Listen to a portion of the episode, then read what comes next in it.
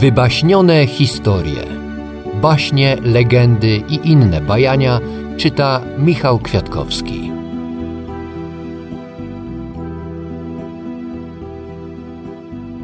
Legenda o Warsie i Sawie. Dawno, dawno temu stolicą Polski był Kraków, a jednym z ważnych miast Gniezno. Między nimi wiodły dwie drogi. Jedna lądowa, przez dziką puszczę. Mówiono o niej, że żyją tam nie tylko wilki i niedźwiedzie, ale też różne diabły i upiory polujące na podróżnych. Zwykle więc każdy wybierał drugą drogę, po wodach Wisły. Płynęło się nią aż do Płocka, skąd do Gniezna wiódł piękny lądowy szlak. Pewnego dnia król Polski, Kazimierz Sprawiedliwy, musiał udać się do Gniezna. Wybrał podróż Wisłą i wraz z orszakiem sług i rycerzy wsiadł na statek do Płocka. Zabrano ze sobą na drogę bogate zapasy, jednak był to suchy prowiant. Król szybko się nim znudził i już drugiego dnia żeglugi zaczął tęsknić za świeżym jedzeniem. Tymczasem statek płynął pomiędzy porośniętymi gęstym borem brzegami. Puszcza wcale nie wyglądała groźnie z jego pokładu. Wokół śpiewały ptaki, nad wodą kwitły kwiaty, po gałęziach przemykały wiewiórki, a pomiędzy liśćmi prześwitywał złoty blask słońca.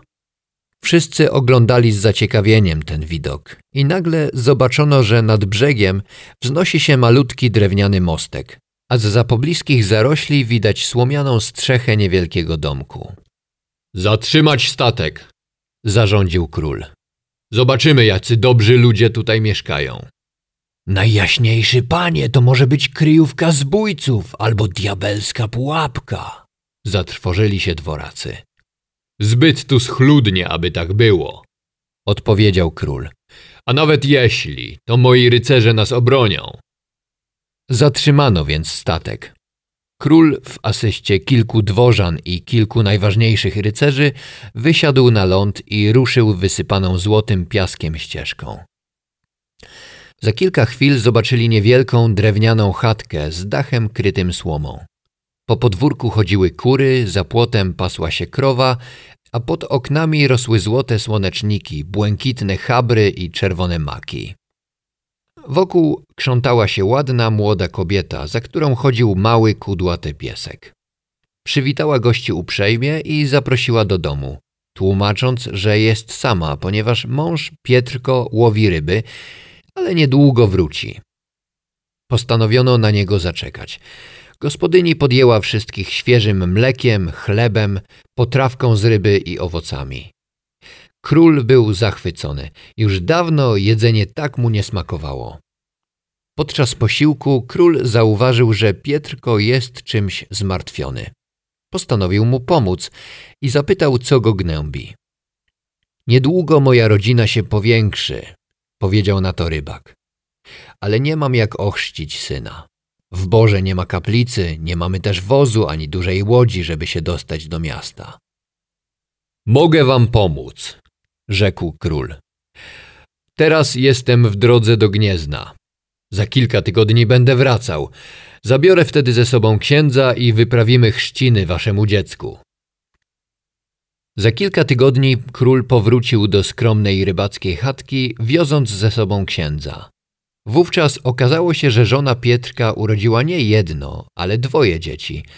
Bliźniaki, chłopca i dziewczynkę o okrągłych buziach i niebieskich jak niebo oczkach.